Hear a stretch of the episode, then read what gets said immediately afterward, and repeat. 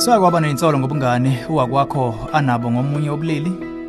Lokhu akuvamisile nokho ukuze umshado uhlale uphilile futhi uvikelekile. Ama couple adinga ukuqonda bomqoka bemngcele emshadweni.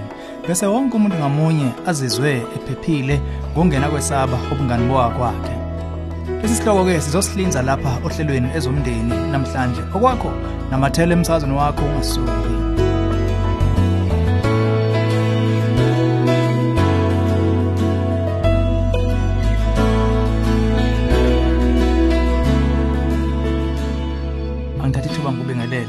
Ezomndeni uhlelo ukulethela izeluleko eziphathekayo ngabaka focus on the family.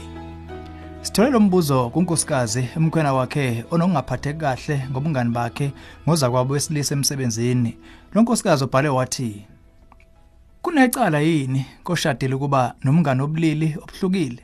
Ngesikhathi umkhwena wami esohambeni lwesonto ngicela uza kwethu wesilisa emsebenzini ukuba azongisiza ngengane yami enonyaka nengxenye. Sagcina sesibuka iTV nokusebenza eminye futhi imisebenzi yasemsebenzini emva kokuthi lengane yami ibisilalele ekubeni komkhwena wami uphatheke kabi wathi unovalo ukuthi ngase ngishendeze. Ngokwakhe ubona ukuthi kungena kwenzeka kuba abantu abadala babe sebudlelaneni bobulili obuhlukene ngaphandle kobudlane bezocansi. Uze wacela ngingaphinde ngilokothe ukuba ndawonye naloza kwethu ngokuzayo.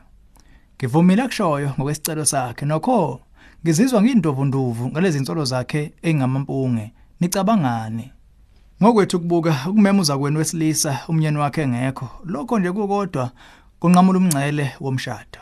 Nokho kusemqoka ukuqaphisisa lolo hlobo lobudlelwane nokuphaphama kungabe nezikhisi uma ufuna ukugcina umshado wenu uphilile udinga ukubeka umklamo omngcele ohlobeni lobudlelwane balolu hlobo. Iqiniso lapho ukuthi kulula ngaphezulu kokucabanga ukweqa umngcele obungane obuhle nithuke senishibilikela nje kwezothando ngonganakile nje. Ikakhulukazi ubungozi busekutheni lo muntu osodabeni lapha unezinto enifanayo kuye naye. Uma kuukuthi leso sima mqondo munye yiso esenza ukuthi unamathele kulomngane ngoba nakho eqonda wena kangcono kunomkhwana wakho. Usuvesa unyathele emeveni makunjalo. Siyabona ngokwakho ukubuka ukuvashela ngizakweni obulili obunye bekumsulwa nje. Asingabazi neze ukuthi bekumsulwa nebala.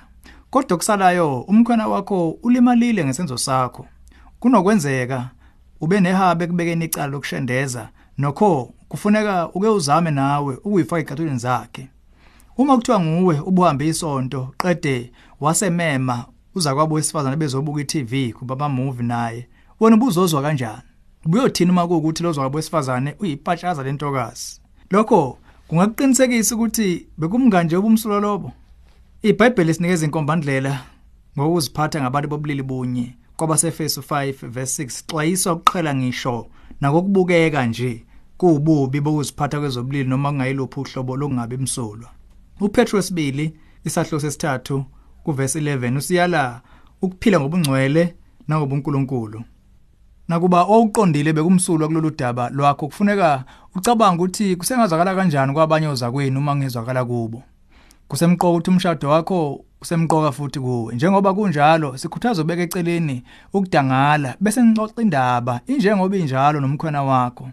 Vuma kuyo ukuthi wenza iphutha ngokumemuza kwenu wesilisa ekhaya.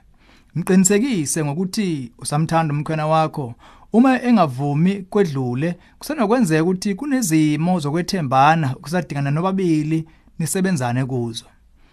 Uma ucabanga ukuthi yikhona lelidinga ukubukisiswa, siphakamisa ubona nomeluleki olapha izimo zomshado ongaba seduze ngakini. Isebenza omnyango wezokweluleka focus on the family zingakuphuhla ongakwazi uba udlule kubo abangongoti abangaba seduze nawe zingaphinde futhi zikhulume nawe ngocingo ukudinga idalo lodaba.